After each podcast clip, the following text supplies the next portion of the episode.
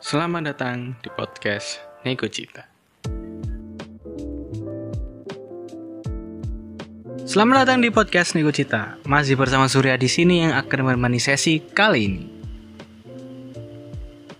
So, teman-teman semuanya para pendengar Nek uh, ah, wah, sorry sorry sorry sorry sorry sorry saya tergulit-gulit ngomong. Jadi ya selamat datang para pendengar Nego Cita.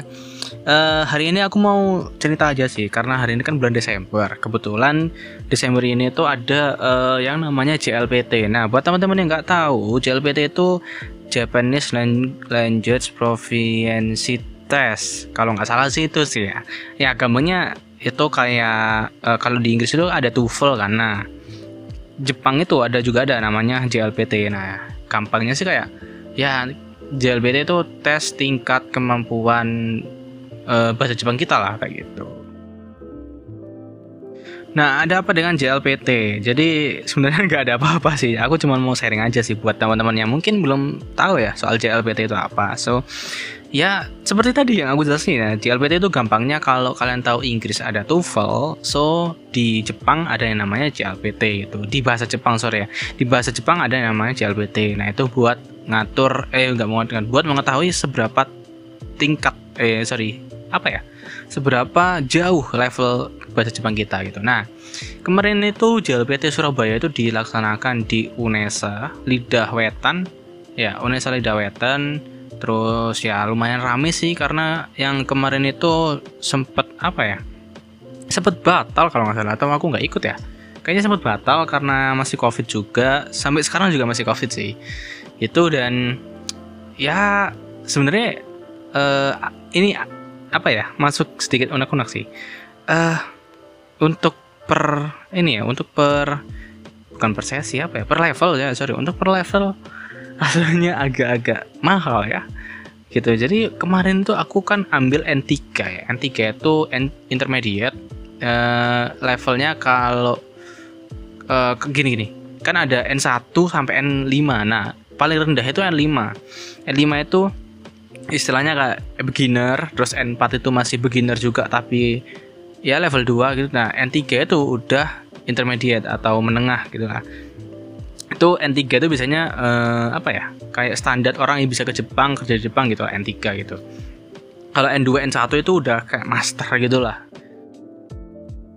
Nah, uh, N3 itu kemarin aku berapa ya daftarnya? Sekitar 200 atau 300 berapa gitu. Nah, itu cukup mahal sih menurutku. Nah, emang emang mahal sih. Tapi ya itu buat ini aja siapa ya namanya buat mengetahui loh aku seberapa sih seberapa jauh sih CLPT ku eh sorry uh, kemampuan bahasa Jepangku ini kayak gitu. Aku mau ngetes ah itu. Dan itu itu kalau misalnya lulus uh, CLPT N3 ini aku terus aku dapat sertifikat dan itu kan resmi kan dari Jepang juga dan ya itu bisa nambah-nambah CV atau mungkin nanti ada lowongan kerja di Jepang itu bisa kepake banget malah kayak gitu. Nah, uh, biasanya biasanya nih, biasanya nggak semua, cuman biasanya beberapa anak uh, di LPT itu diibaratkan dengan uh, apa ya? Bukan judi sih jatuhnya, kayak gacha apa ya? Uh, jadi kita tuh ada yang belajar, ada yang nggak belajar gitu. Jadi meskipun belajar pun tetap nilainya itu kadang itu nggak bagus gitu. Malah yang eh, nggak belajar atau yang belajarnya cuma dikit-dikit itu malah dia bagus dan lulus kayak gitu. Itu sering terjadi sih di dunia per JLPT gitu. Nah makanya eh, kita kita ini sering menganggap bahwa JLPT ini adalah sebuah undian gitu. Mau kalian belajar atau nggak belajar, kalau emang kalian hoki kalian bakalan lulus gitu. Tapi ya belajar buat CLPT itu ya nggak salah juga itu malah bener. Nah malah kalau kalian belajar di CLPT eh sorry kalau kalian belajar buat CLPT ya otomatis change hoki kalian untuk lulus itu makin tinggi kayak gitu. Nah JLPT itu gimana sih eh, ininya tesnya ya? JLPT ya seperti kayaknya sih kayak ini ya eh beda sih beda sih sama TOEFL. Jadi kayak JLBT itu uh, ada tiga sesi. Yang pertama itu Mojigoi. Mojigoi itu apa ya? Mojigoi itu kayak semacam vocabulary gitu kan. Vocabulary uh, tata eh tata bahasa ya? Iya ya. Tata bahasa itu terus habis itu ada dokai. Dokai itu reading gitu. Terus yang terakhir itu ada cokai. Cokai itu listening gitu. Nah di LPT ini uh, di sesi reading di sesi reading ya cokainya itu. Kita tuh uh, ada soal yang listening itu nggak ada nggak ada soalnya tapi nggak ada jawabannya juga. Maksudnya itu kayak nggak ada tulisannya nggak tapi nggak ada eh gimana ya jelasnya?